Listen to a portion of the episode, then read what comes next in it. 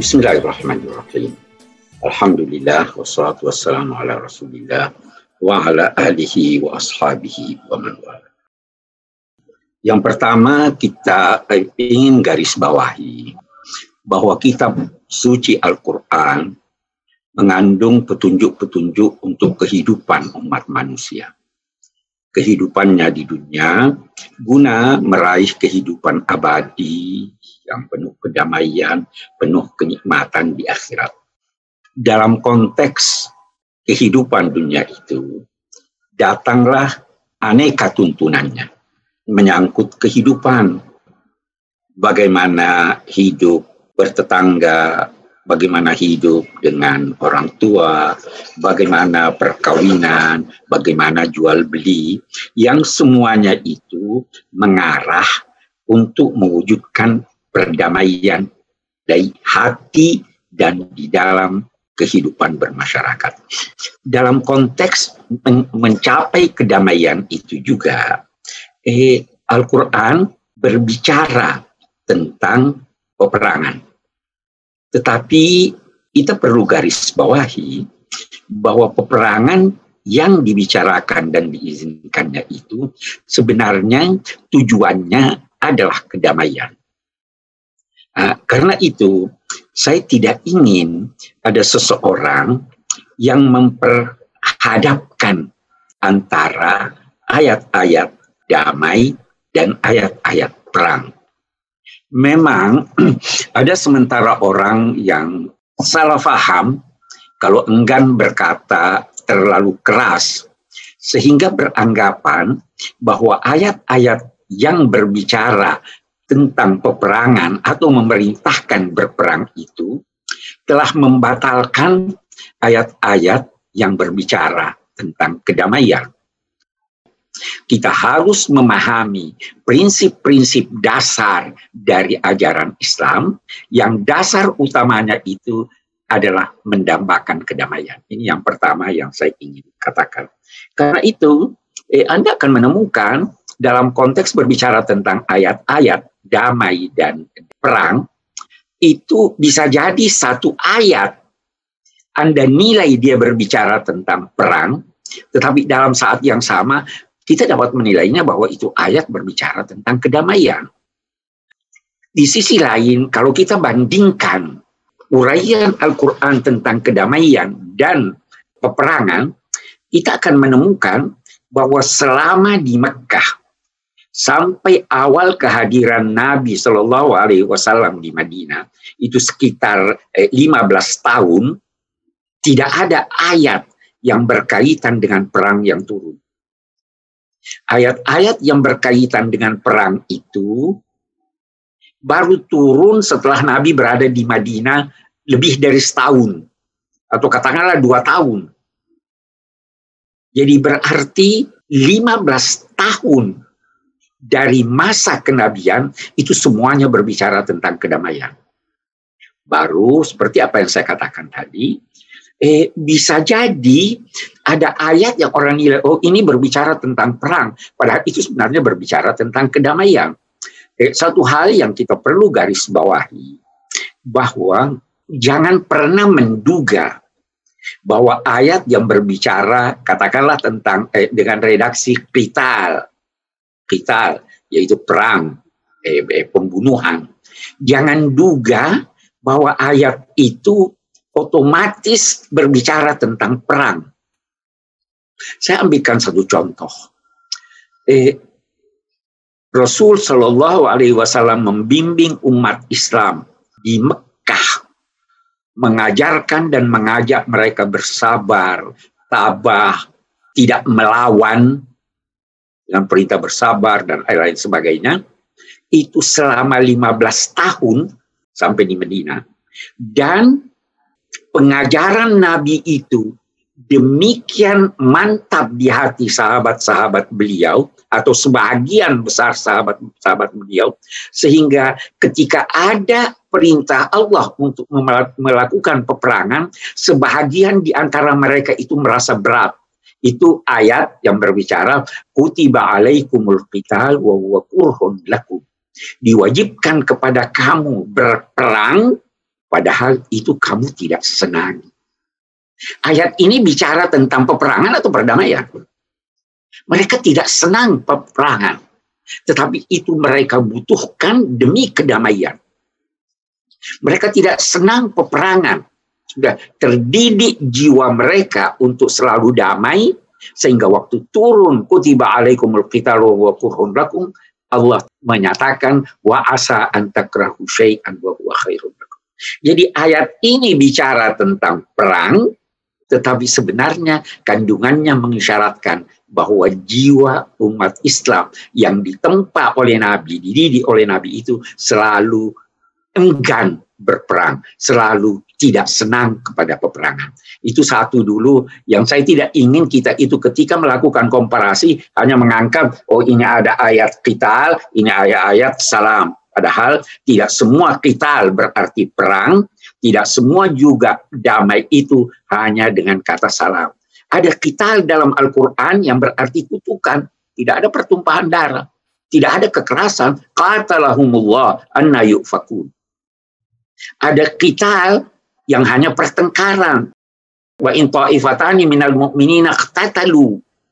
Nah, jadi ini satu yang kita mau lihat. Nah, yang kedua, kita ingin lihat karena memang sekian banyak ayat yang berbicara tentang peperangan, ulama-ulama lantas berkata, sebenarnya kita cukup untuk memahami pandangan Al-Quran tentang perang, membaca suratul Baqarah ayat 190.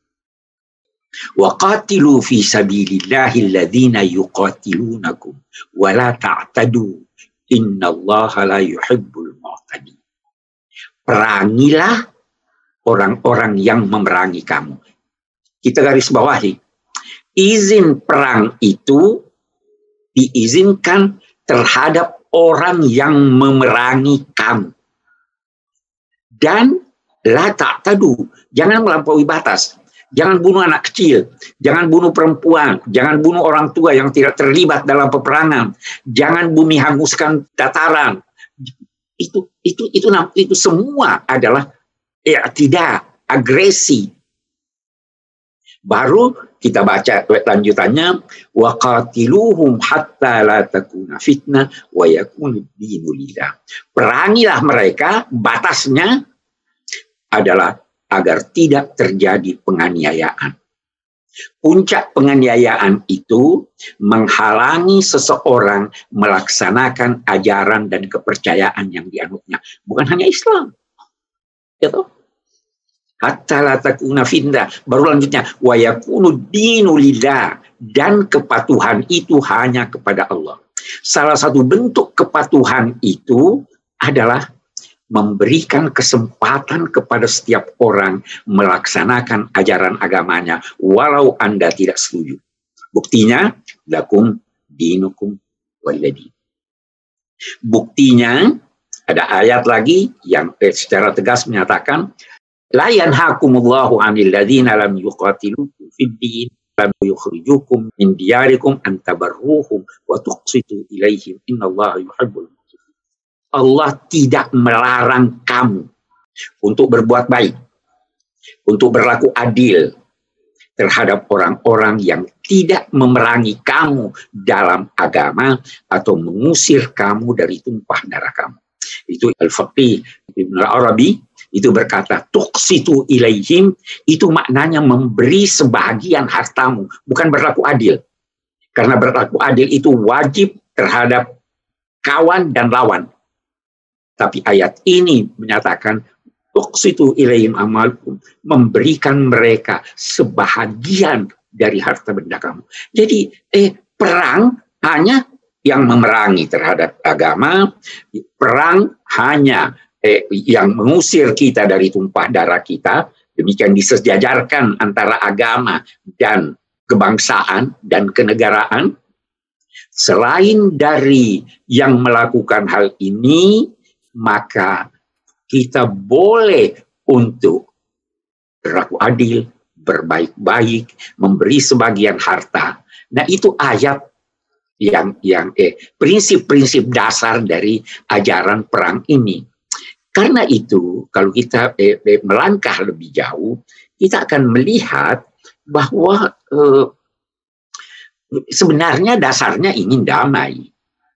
Jangan pernah berkata bahwa seorang Muslim diwajibkan mengislamkan seluruh dunia. Anda tidak bisa. Allah sudah menjelaskan hal itu.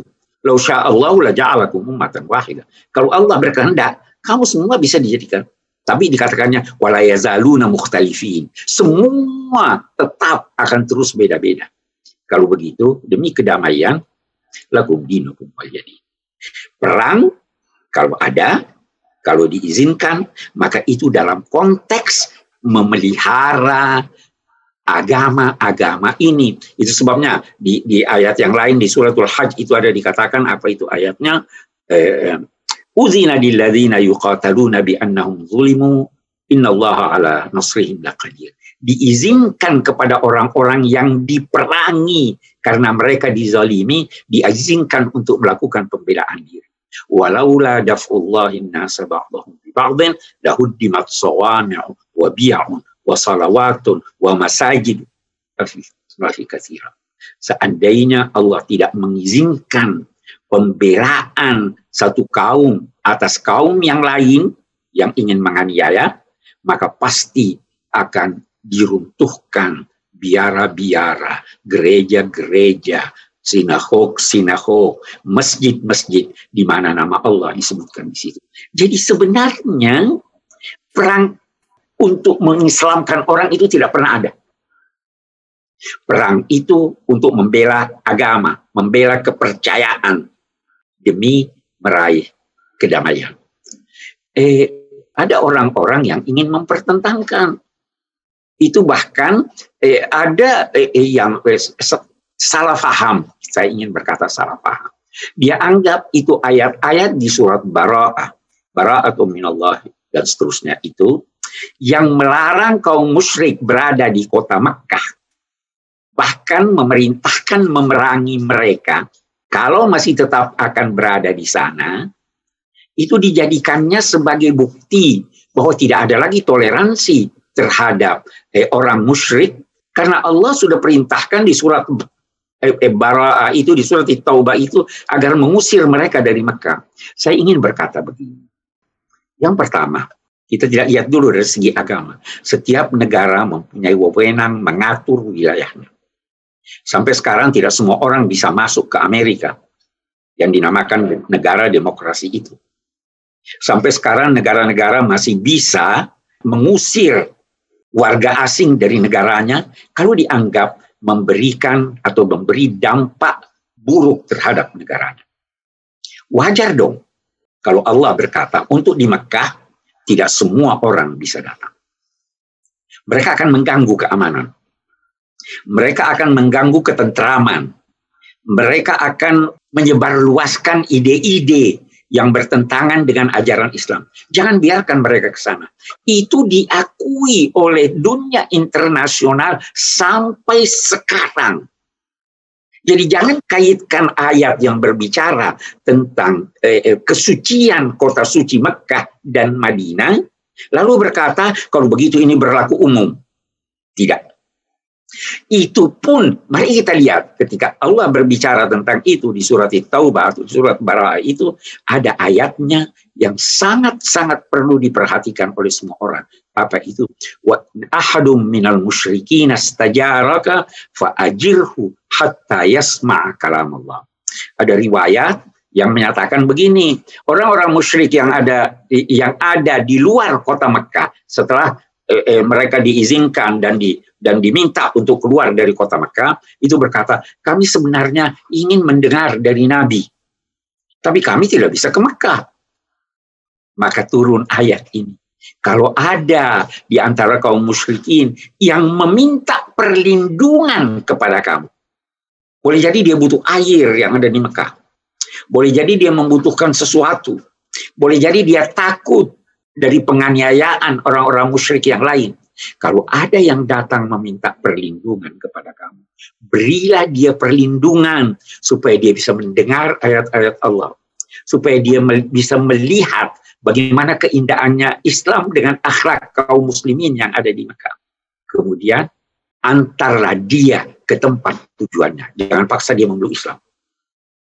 Jadi eh, kita dapat menyimpulkan bahwa sebenarnya ayat-ayat perang itu tujuannya untuk mendapatkan kedamaian. Karena itu, jika terjadi peperangan antara kaum muslimin dengan selain dia, dan yang selain kaum muslimin yang sedang perang ini minta untuk damai, maka Allah berfirman, wa in janahu. Kalau mereka cenderung kepada kedamaian, ayo kamu juga cenderung kepada itu. Boleh jadi ada yang menduga bahwa oh iya dia cuma pura-pura mau damai itu, tapi bermaksud buruk. Tetap saja cenderung juga kepada kedamaian dan berserah dirilah kepada Allah. Allah akan membela kamu selama kamu merah eh, bermaksud untuk meraih kedamaian untuk seluruh umat manusia. Saya kira itu yang dapat saya simpulkan dari eh, ayat-ayat perang dan damai yang ditemukan dalam Al-Quran. Wassalamualaikum warahmatullahi wabarakatuh.